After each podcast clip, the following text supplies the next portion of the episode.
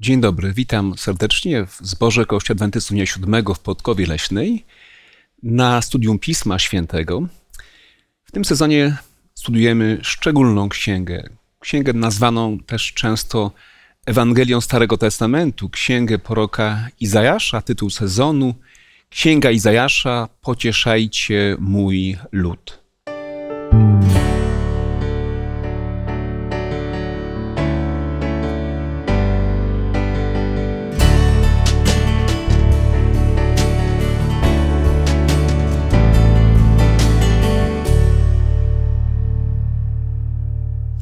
Razem ze mną są Leszek, Łukasz, a ja mam na imię Mariusz. Zaczniemy nasze spotkanie z tą księgą, a tym samym też z Bogiem, który jest autorem tej księgi, od krótkiej modlitwy. Panie nasz i Ojcze, który jesteś w niebie, przychodzimy do Ciebie, by Ci podziękować za tę możliwość, za to słowo, które dałeś że możemy je studiować, za to, że możemy znajdywać tam pocieszenie, wyjaśnienie, a i też poznawać Cię lepiej. W Twoje ręce się polecamy, obdarz nas swoim duchem i prowadź w tym czasie. W imieniu Jezusa to prosimy. Amen. Mam takie wrażenie, że Księga Izajasza jest jedną chyba z najpiękniejszych ksiąg Pisma Świętego.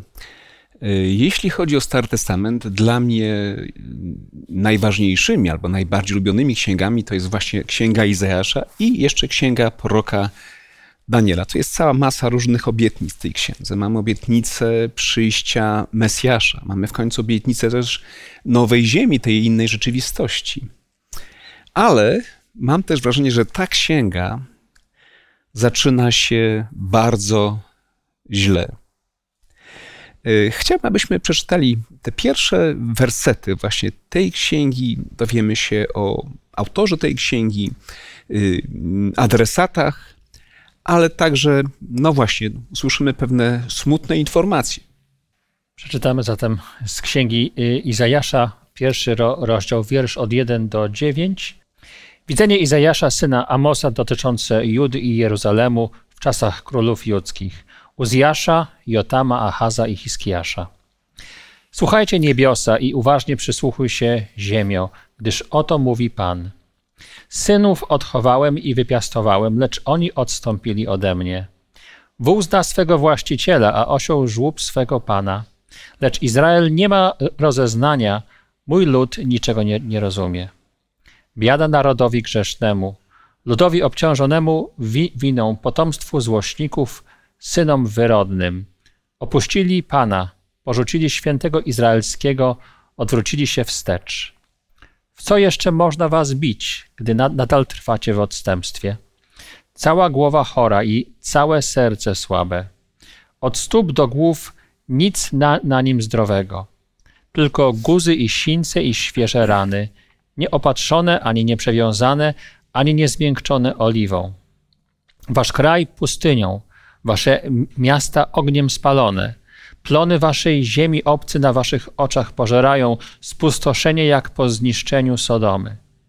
I pozostała córka sy syjońska, jak szałas w winnicy, jak budka w polu ogórkowym, jak miasto oblężone. Gdyby Pan zastępów nie był nam pozostawił resztki, bylibyśmy jak Sodoma, podobni do Gomory. Właśnie smutny początek tej księgi, ten wstęp y, w jakiś sposób sprawia i nastawia mnie pesymistycznie. Y, się pewnym doświadczeniem. Kiedyś prowadziłem pogrzeb y, pewnego mężczyzny. Na pogrzebie była obecna jego najbliższa rodzina. Ja tych ludzi nie znałem. Prosili mnie o to, żebym poprowadził uroczystość pogrzebową z jakichś tam względów. I matka tego już pięćdziesięciokilkuletniego y, syna, który właśnie zmarł, y, strasznie rozpaczała. Była tak smutna, płakała. Bałem się, czy, czy dotrwa do końca tej ceremonii. W pewnym momencie już po wszystkim podszedłem do niej i zapytałem, dlaczego pani tak bardzo płacze? Czemu pani tak rozpacza? Proszę pana, wychowałam czterech synów. To jest trzeci syn, którego tracę i chowam przez alkohol. Wiecie, jak spotkałem się z tym przesłaniem, kiedy Pan Bóg mówi: Synów wychowałem, ale mi to wychowanie no nie wyszło, nie, nie, nie udało się. Przypomniałem sobie to właśnie tej kobiety, która stojąc na trumną trzeciego swojego syna, żegnając trzeciego swojego syna, mówi: Wychowałam synów i trzeciego z nich już y, żegnam. E, jakie macie właśnie wrażenia, czytając ten, ten, ten wstęp do księgi Izajasza? Chociażby dlaczego Pan Bóg skarży się na tą sytuację, na swój lud, powołując na świadków, no, dziwnych świadków, niebo, niebo i, i, i ziemię. To jest bardzo ciekawy fragment księgi Izajasza, dlatego że e, ona jest zbudowana troszeczkę nietypowo, e, bo te pierwsze 5-6 rozdziałów opisują to, co Izajasz ro, robi, przemawiając do ludu, ale to jego powołanie dopiero przy, przy, przechodzi e, po tym wszystkim. Ten temat oczywiście musi być na tyle istotny, że Izajasz otrzymuje od Boga przesłanie, za, zanim jest oficjalnie powołany na pro, proroka. A przesłanie jest rzeczywiście y, bardzo poważne, no, dlatego że jest tutaj napisane, że świadkowie y, patrzą na to, co Bóg zrobił dla ludu, jak ich przygotował, powołał, wychował y, i powołuje na świadków niebo i ziemię troszeczkę tak jak Działo się to na Bliskim Wschodzie, e, gdzie na przykład e, Hetyci też powoływali się na swoich bogów jako na świadków wtedy, kiedy zawierało się przymierze. No i, i Bóg mówi, niebo i ziemia są świadkami przymierza, które ja z wami zawarłem, kiedy was wychowałem. A teraz jak postępujecie? Czy to oznacza, że nie było żadnych sprawiedliwych osób, które by mogły być świadkami Pana Boga właśnie w tym, w tym sporze? No, wydaje się, że y, y, kwestia przy, przymierza do, od, odwołuje się do, do, y, do tego, że świad, świadkami tego no w, pe, w pewnym sens, sens, sensie było to niebo zamieszkałe, czyli aniołowie. To, to nie jest mm -hmm. tak, że to, mhm. że to jest martwe niebo, no a ziemia to oczywiście są świadkowie, to ludzie, którzy, którzy też na to patrzyli, słuchali. To nie działo się jakby w takiej całkowitej samotności. Tak, wiecie, mam wrażenie, że e, w tej lekcji, w tym, w tym pierwszym w ogóle fragmencie, Pan Bóg jest taki bardzo ludzki. Mam nawet wrażenie, że Bóg pokazuje jakąś swoją bezsilność. Wszechmocny Bóg, który skarży się i mówi, no zrobiłem wszystko, a, a, a mi nie wyszło, prawda? Więc mi się osobiście ta księga bardzo podoba, ponieważ pokazuje Boga, który ma uczucia, który doznaje pewnej porażki, tak, wychowawczej. No właśnie, i tutaj padają pewne konkretne zarzuty, bo myślę, że tutaj ten, ten opis chorej głowy, rany, sińców nie odnosi chyba do stanu fizycznego, raczej do duchowego. A co konkretnie Pan Bóg y, zarzuca? Na czym polega problem, problem jego ludu? Problem, jaki tutaj Bóg naświetla, to jest taki, że po prostu nie spełniają oni tego wszystkiego, do czego zostali powołani, że nie zachowują się we właściwy sposób, że to, co zostało zawarte w przymierzu, że jeżeli będą przestrzegać przykazań, prawa, to Bóg będzie im błogosławił. Teraz Bóg nie może im błogosławić, bo oni odstąpili nie, od tego przymierza i go nie spełniają w żaden sposób. Może jedynie i o czym pewnie jeszcze powiemy, to w sposób taki tylko zewnętrzny, ceremonialny. Wydaje się, że wszystko jest y, w porządku. Nawet troszeczkę mam problem, żeby zrozumieć te zarzuty, które Pan Bóg stawia tutaj w dalszych wersetach. Myślę, że byłoby dobrze, abyśmy znowu odwołali się do kolejnego fragmentu księgi proroka Izajasza. Leszko, jeśli mogę Ciebie prosić, od 10 do 17 wiersza. Słuchajcie słowa Pana, książęta sodomscy. Przysłuchuj się uważnie wskazaniu naszego Boga, ludu Gomory. Co mi po mnóstwo waszych krwawych ofiar, mówi Pan. Jestem syty całopaleń baranów i tłuszczu karmnych cieląt, a krwi byków, jagniąt i kozłów nie pragnę. Gdy przychodzicie, by zjawić się przed moim obliczem, któż tego żądał od was, abyście wydeptywali moje dziedzińce? Nie składajcie już ofiary daremnej. Kadzenie, nowie i sabaty mi obrzydły. Zwołanie uroczystych zebrań nie mogę ścierpieć świąt i uroczystości. Waszych nowiów i świąt nienawidzi moja dusza. Stały mi się ciężarem, zmęczyłem się znosząc je. Tak, dziękuję. Zobaczcie, w tym fragmencie wydaje się, że wszystko z takiej strony formalnej jest dobrze, tak? Czyli trwa nabożeństwo, y, składają mm, Izraelici ofiary, zachowują wszystkie przypisane przez Boga. Przecież to w końcu były święta, które Pan Bóg im nakazał święcić, a Bóg jakby zmienił zdanie. Mówi, ja już tego nie chcę, ja tego nie potrzebuję. Nawet mówi, mi to już wszystko po prostu obrzydło. Dlaczego? No, wydaje się, że Bóg w tym miejscu te pierwsze dziewięć wierszy pokazuje, że Bóg jest na pewno niezadowolony z tego, co dzieje się, dlatego że, dlatego, że mówi o karceniu i, i zresztą można się potem do, -hmm. dowiedzieć z tego, że to karcenie nie jest po to, że, żeby karcić bez powodu, tylko po to, żeby wzbudzić jakieś myślenie, jakąś refleksję. I Widać oczywiście, że to postępowanie, które e, wydaje się być w porządku, czyli chodzenie do świątyni, składanie ofiar, taki ceremonializm, Panu Bogu nie odpowiada. E, a zatem musi być głębsza przyczyna i ta przyczyna oczywiście polega na, na tym, że pod tym ceremonializmem, pod tym sakramentalizmem, można by było po, powiedzieć, kryje się nieodrodzone serce.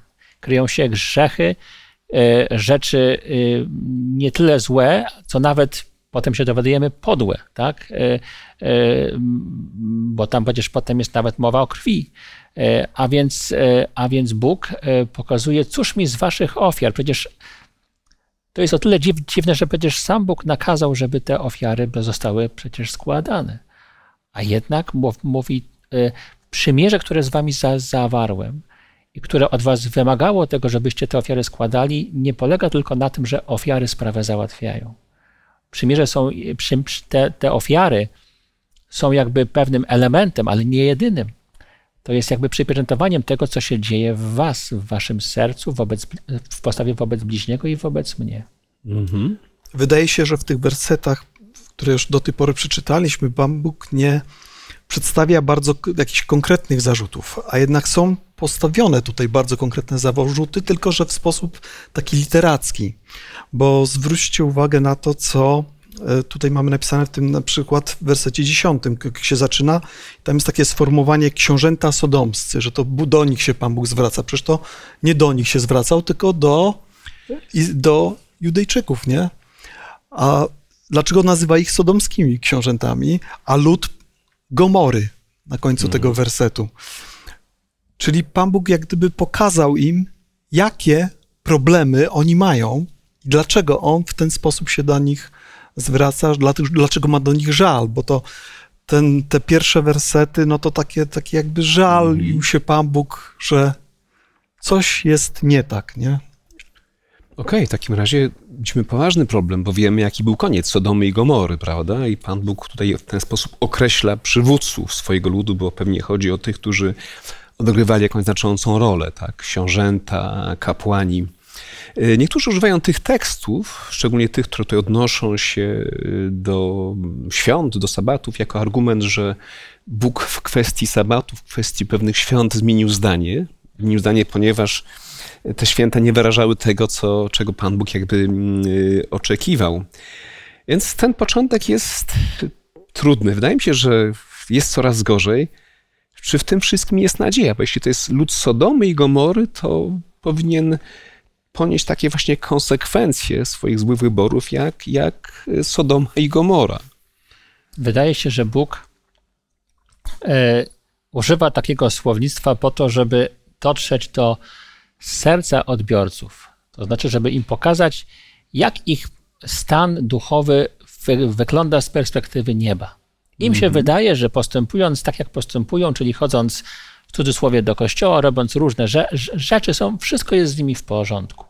W innych fragmentach Pisma Świętego ten, ten taki e, aspekt złamania przy, przymierza, niewierności, nieposłuszeństwa, które się świetnie kryje pod różnymi ceremoniami, też jest, e, też jest podkreślany. Na przykład w księdze Jeremiasza w siódmym rozdziale, w wielu innych mie, mie, miejscach. Po prostu Pan Bóg mówi bez wierności, bez pokory, bez odejścia od grzechu, tak? Bo jakby mądrość się zaczyna od tego, że człowiek zła po prostu nie, nienawidzi, nie ma prawdziwych wa warunków nawrócenia. Ale też jest właśnie ten element nadziei, bo w drugiej cze cze części tego fragmentu, tam w wierszach od 17 do 20 pojawia się jednak e, takie podejście bardzo pozytywne, bo to tak jakby Bóg po, po, powiedział, ale ja was jeszcze nie skreśliłem.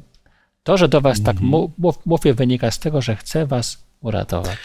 Właśnie spróbuję ten tekst odczytać, y, bo wszystko zmienia się od 16 y, wiersza. Y, obmyjcie się, oczyście się, usuńcie wasze złe uczynki sprzed moich oczu. Przestańcie źle czynić, uczcie się dobrze czynić. Przestrzegajcie prawa, brońcie pokrzywdzonego, wymierzajcie sprawiedliwość sierocie, wstawiajcie się za wdową. No, jakby kulminacja tej Bożej wypowiedzi, wiersz 18. Chodźcie więc, a będziemy się prawować, mówi Pan.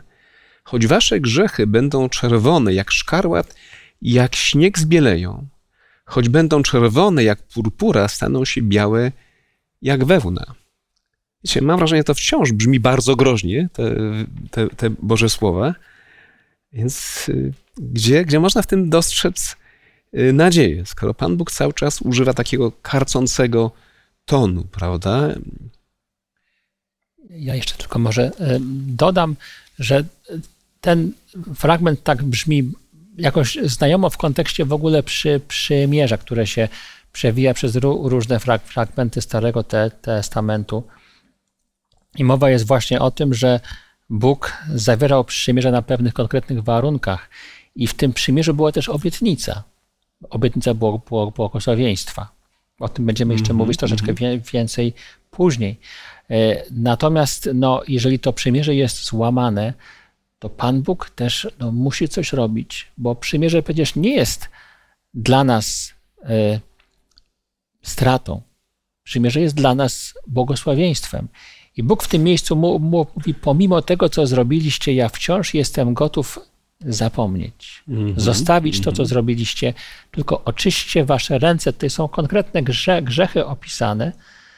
To nie jest tak, że to jest abstrakcja. On tutaj w tym miejscu Izajasz e, odnosi się do re, re, relacji człowieka do człowieka, czyli do bliźnich i mówi: Popatrzcie, jak postępujecie. Jaka jest wasza postawa wobec innego człowieka. Tak? I w ten sposób, z takimi re, rękoma, tak postępując, idzie, idziecie, potem składacie ofiarę i wszystko jest w porządku. To na tym ma po, polegać. Oczyście wasze rę, rę, ręce, a wtedy te wszystkie mhm. ceremonie nabiorą dla mnie wartości.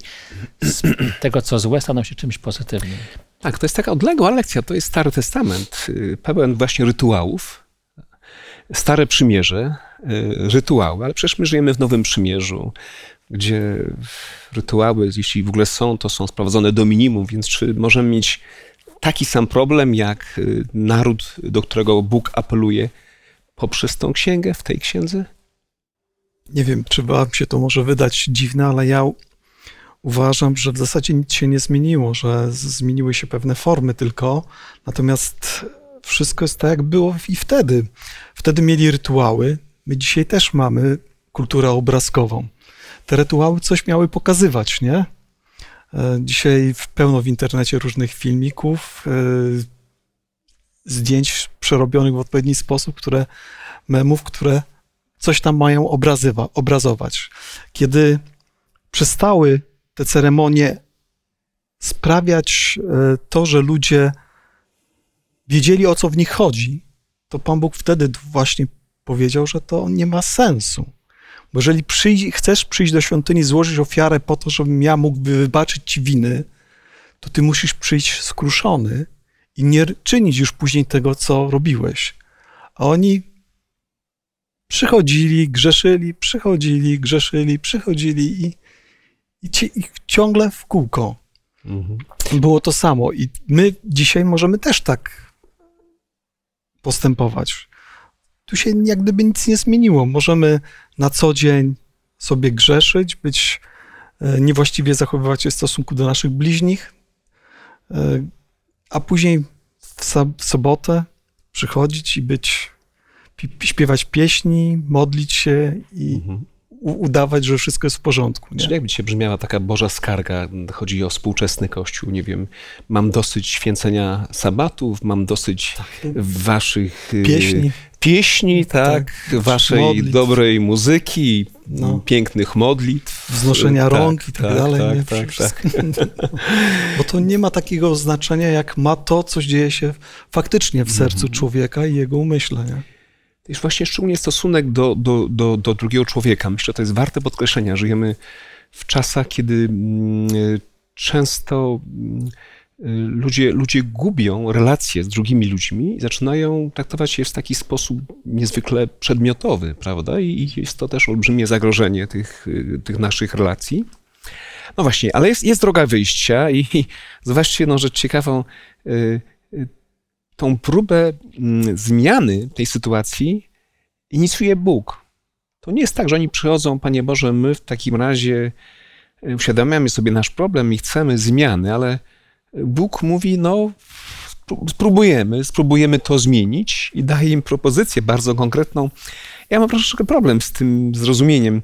A chodźcie więc, a będziemy, się, nie wiem, prawować, będziemy się siłować na, na ręce, prawda? Jeśli ja wygram, to przyjmiecie moje argumenty, jeśli wy... Jak, jak to rozumieć? Chodźcie, no bo byśmy dzisiaj to skierowali do człowieka, który pragnie właśnie zmiany swojego życia. Myślę, że dzisiaj jest wielu ludzi, którzy zmagają się ze swoim grzechem, z poczuciem winy. I więc jak brzmi ta oferta Pana Boga? Takim kontekście y, biblijnym to y, jest tak, jakby Pan Bóg ponownie zapraszał tych ludzi, z którymi zawarł przymierze do stołu y, pertraktacji. Tak jak to było na początku. Usiedliśmy wspólnie, przecież tak naprawdę wiadomo, że w tym przy, przymierzu to nie człowiek był stroną, człowiek był z łaski stroną. Przecież to Bóg właściwie wszystko dawał człowiekowi, ale Bóg mówi, jestem gotów z wami usiąść ponownie i ustalmy tylko. Zostawcie swój grzech. Mhm. Zostawcie, no, czy macie coś na swoją obronę. Ja jestem gotów wszystko wam przebaczyć, tylko szczerze i uczciwie. Potem- jest da, dalej napisane, jeżeli zechcecie być po, po, po, pos- posłuszni, tak? To ja jestem wam y, z powrotem gotów dać tą dobrą obietnicę. Y, Zdjąć z was przekleństwo wynikające z, grze, z grze- grzechu. Już was nawet nie będę wie, wie, wie, wie, więcej bić, jak jest tam było na początku napisane, po to, żebyście się powstrzymali. Ja chcę podejść do was z dobrym ser- ser- sercem. Zostawcie to, co złe. Nie szukajcie waszego ratunku w samej świąt, świątyni. Mówiąc świątynia, świątynia, tak chodzę, przychodzę, robię to, co robię, tylko szukajcie swojego ratunku takim uczciwym stosunku do Pana Boga. Pan Bóg mu- mówi, jak komuś robicie krzywdę, to tak jakbyście mnie ją ro, robili. Ja to wszystko wi, widzę. A właśnie, Leszku, co jest łatwiej? Tu jest powiedziane, Pan Bóg mówi z jednej strony, przestańcie źle czynić, uczcie się dobrze czynić. Łatwiej jest przestać źle czynić, czy łatwiej jest zacząć czynić dobrze? Jakie jest twoje doświadczenie? Łatwiej jest zacząć czynić dobrze, Tak? a wtedy to drugie odchodzi samo. Okej, okej. Wydaje mi się, że nie wiem, Pan Bóg mówi, żebyśmy przestali czynić, coś, moż- możemy to jakby od razu, prawda, zmienić, ale to uczenie się czynienia dobrze, no jest chyba dużym, dużym, dużym wyzwaniem. Ten tekst osiemnasty o tym, o tej zachęcie, żeby przyjść do Pana Boga i się prawować, jest, no to musimy chyba więcej uwagi na niego zwrócić. Bo mi się podobają Bo- Bo... kolory w tym, w tym No właśnie, fragmencie. przeciwstawne poniekąd, Mhm. nie? Czyli będą czerwone jak tam, jak purpura, jak e, no, szkarłatne będą Mhm. wręcz, nie? A Pan Bóg mówi, chodźcie się prawować i co, według prawa to nagle my się zrobimy święci i zostaniemy oczyszczeni? Wygląda na to, że tak, ale jak to się może stać, to już może trochę Ale- dalej ale porozmawiam na ten Mi temat. grzech się bardziej kojarzy z kolorem czarnym. Jak mówimy, coś jest białe albo czarne, prawda? Mhm. Dlaczego w tym fragmencie mm, Pan Bóg używa właśnie ty, tych barw, mówiąc o grzechu, mówiąc o, o, o mm, problemach tych ludzi, mówi, choć wasze grzechy będą czerwone jak szkarłat, prawda? Choć będą czerwone drugi raz jak purpura, staną się białe jak, jak wełna. Skąd ten kolor czerwieni w tym fragmencie? Może stąd, że grzech ponosi, konsekwencją grzechu jest śmierć. E, A uwolnienie od grzechu wiąże się z przelaniem krwi. Mhm. To takie moje skojarzenie. Wiersz, wiersz też 17 mówi o tym, że, że e, w pewnym se- sensie, czy to było realnie, fizycznie, czy też nie, w każdym razie Bóg postrzega też te czyny, które, które ci ludzie popełniali, jako dosłownie przelewanie krwi. E, I, i, i ta, ta krew to jest tak, jakby mieć krew na rękach, tak? E, Czyjąś krew na rękach, czy dosłownie, czy, czy, czy w przenośni, ale to właściwie się do tego samego sprowadza. Dla Izraelitów było to bardzo czytelne, właśnie te kolory czerwony i biały, bo czerwony to oni przychodzili przecież z tymi ofiarami, przelewali właśnie krew e, w świątyni, składając je za swoje grzechy. Tak, mamy kolejny ciekawy fragment. Myślę, że warto jeszcze mm, wrócić do wiersza 19-20, mm, tego właśnie pierwszego rozdziału. Łukaszu, gdybyś mógł jeszcze to czytam. czytać.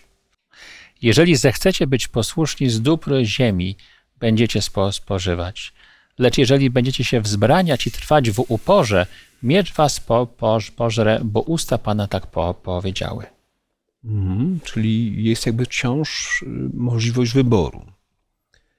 E, Wiesz, ten fragment mi się kojarzy z innymi takimi fragmentami Pisma Świętego, gdzie Pan Bóg mówi: Kładę przed Tobą życie albo śmierć, błogosławieństwo albo przekleństwo, tak?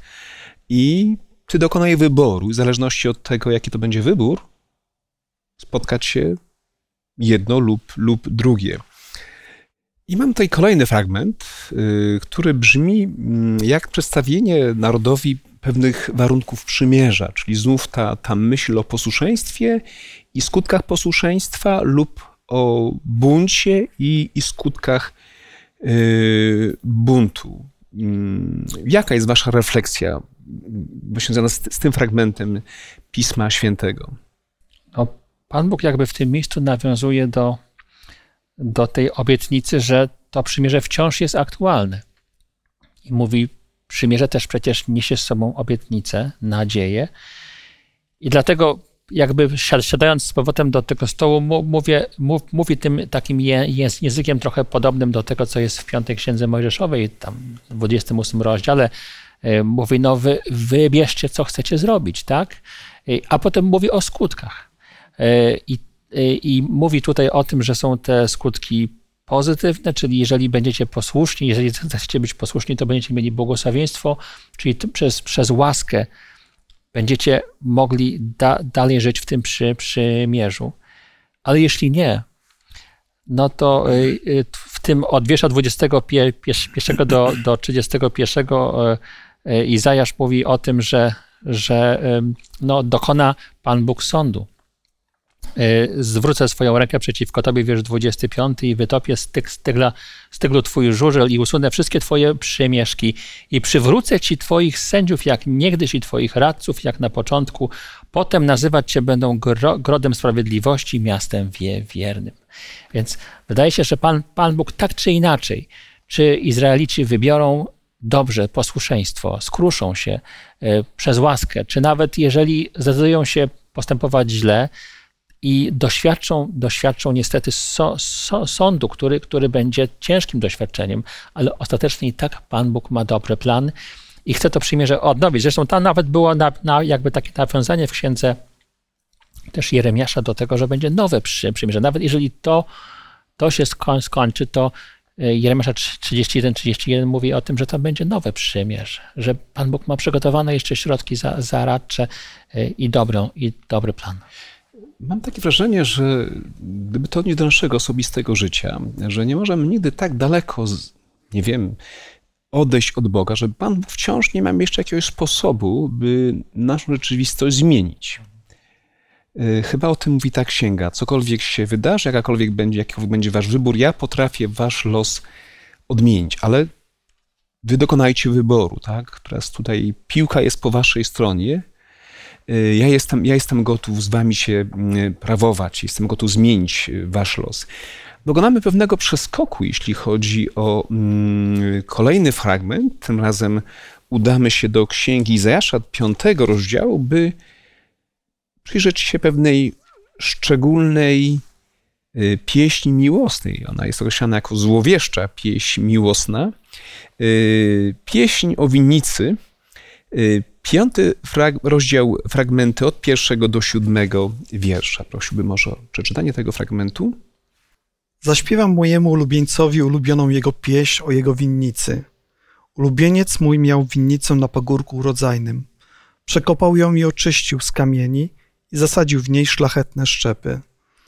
Zbudował w niej wieżę i wykuł w niej prasę. Oczekiwał, że wyda szlachetne grona, lecz ona wydała złe owoce. Teraz więc, obywatele jeruzalemscy i mężowie judzcy, rozsądźcie między mną i między moją winnicą. Cóż jeszcze należało uczynić mojej winnicy, czego ja jej nie uczyniłem? Dlaczego oczekiwałem, że wyda szlachetne grona, a ona wydała złe owoce? Otóż teraz chcę wam ogłosić, co uczynię z moją winnicą. Rozbiorę jej płot, aby ją spasiono.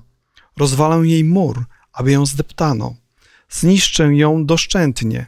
Nie będzie przycinana ani okopywana, ale porośnie cierniem i ostem. Nadto nakażę obłokom, by na nią nie spuszczały deszczu. Zaiste winnicą Pana zastępów jest dom izraelski, a mężowie judcy ulubioną jego latoroślą. Oczekiwał prawa, a oto bezprawie, sprawiedliwości, a oto krzyk. Tak więc widzimy, że jest to przypowieść, która ukazuje e, lud Boży. Tą winnicą Pana jest, jest naród Boży, jest naród izraelski. I znów mam takie wrażenie, że mm, w tym tekście Pan Bóg wyraża jakąś taką swoją bezsilność. Nie wiem, nawet y, poddaje się osądowi człowieka. Pyta się, co, gdzie popełniłem błąd? Co, czego jeszcze nie zrobiłem, co można byłoby zrobić po to, aby tych ludzi ratować? No rzeczywiście, mam nieraz też takie, takie wrażenie, że być może należałoby coś więcej zrobić dla, dla innego człowieka. Może nie wszyscy mają taką samą szansę przed Panem Bogiem, jeśli chodzi o zbawienie. Spotykałem takich ludzi, którzy twierdzili, że do Boga mają jakąś podgórkę. Ale z tego, co ja widzę w swoim życiu, to wiem, że Pan Bóg robi zawsze wszystko, żeby do nas dotrzeć w taki czy inny sposób. Jeżeli ktoś ma podgórkę, tylko, to ma tylko dlatego tak, bo tak wybiera, bo tak chce. To są po prostu nasze wybory, bo Pan Bóg naprawdę robi rzeczy no, niesamowite wręcz, żeby do nas dotrzeć i nas zbawić. Tak, gdybym zapytał kogoś mm, z Was, a może Ciebie, Łukasz, no właśnie, a jakiego byśmy użyli argumentu, że rzeczywiście Pan Bóg zrobił wszystko, bo Niektórzy mają wrażenie, że przed Starym Testamencie Pan Bóg bardziej dbał o naród izraelski, że nie robi pewnych rzeczy dla innych narodów. Dzisiaj też mm, jednym ludziom mm, dzieje się lepiej, drugim gorzej. Jedni mają jakby większą szansę, by Pana Boga poznać, drudzy mniejszą. Czy jest jakiś argument na to, że Pan Bóg wyczerpał wszystkie swoje możliwości, gdy chodzi o zbawienie człowieka? W kontekście Starego Testamentu oczywiście Pan Bóg dowiódł, że troszczył się o Izrael bardziej niż o inny naród, ale nie dlatego, że chciał, żeby byli wywyższeni, tylko dlatego, że chciał, żeby się stali Jego świadkami. Takim na, na ramieniem Jego było błogosławieństwa. Chciał na, na nich pokazać, co to znaczy żyć z Bogiem, co to znaczy znać Pana Boga.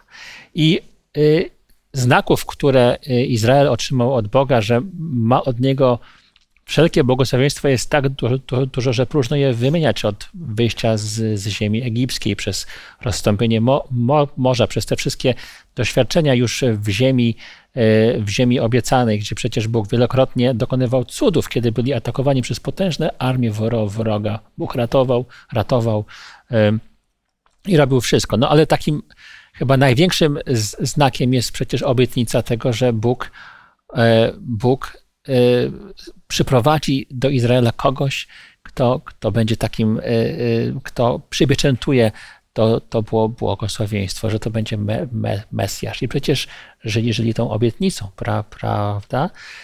Bóg się nie odwraca od ludzi od razu, jak grzeszą. Jest bardzo cierpliwy i przymierze z Panem Bogiem jest błogosławieństwem i dla tego, który je otrzymuje, i dla innych, którzy mogą patrzeć obcować z tym, który jest częścią tego przymierza pod warunkiem, że on dochowuje warunków tego przy, przy, przymierza. Bóg go na pewno nie zostawi. Że to nie jest e, tematem naszego studium, ale to przymierze tutaj nam się pojawia e, cały czas, to warto sobie przypomnieć jedną rzecz, że e, jak zawierano kiedyś przymierza, rozpłatywano na pół zwierzę i przechodzono pomiędzy, pomiędzy tymi dwoma połówkami i mówiono, że jeżeli ktoś zerwie to przymierze, to stanie się z nim tak, jak stało się z tym zwierzęciem. I przechodziła jedna i druga strona. Kiedy Pan Bóg zawierał z Izraelitami przymierze z człowiekiem, to powiedział, to tylko on przeszedł pomiędzy tymi połówkami. Człowiek nie przechodził. On był gwarantem zarówno swojego dotrzymania swojej obietnicy, jak i e, gwarantem dotrzymania obietnicy przez ludzi. I to wypełnił, ofiarowując swojego syna. Właśnie Jezus był tym wypełnieniem tego przymierza, tego gwarantem tego, że my możemy być, zostać zbawieni. Ten wątek wi, wi, jeszcze się też pojawia w Nowym te, Testamencie. Już tak bardzo krótko Pan Jezus, kiedy przemawiał do, do kapłanów, którzy go odrzucili, którzy go nie chcieli słuchać, przypomniał im ten tekst, przez to, że opowiedział, miał pewną przypowieść o winnicy e, i też e, no, jakby odniósł się też do, do tego samego wątku i powiedział, cóż jeszcze można wam uczynić, żebyście uwierzyli. Tak, dziękuję bardzo. Zobaczcie tutaj, to jest niesam, niesamowite, że wszystko zmierza w jednym jakby kierunku, do jednego punktu, do tego, co stało się na krzyżu Golgoty. Nawet obietnica Boża, choćby wasze grzechy były czerwone, staną się białe jak wełna, jak śnieg, prawda?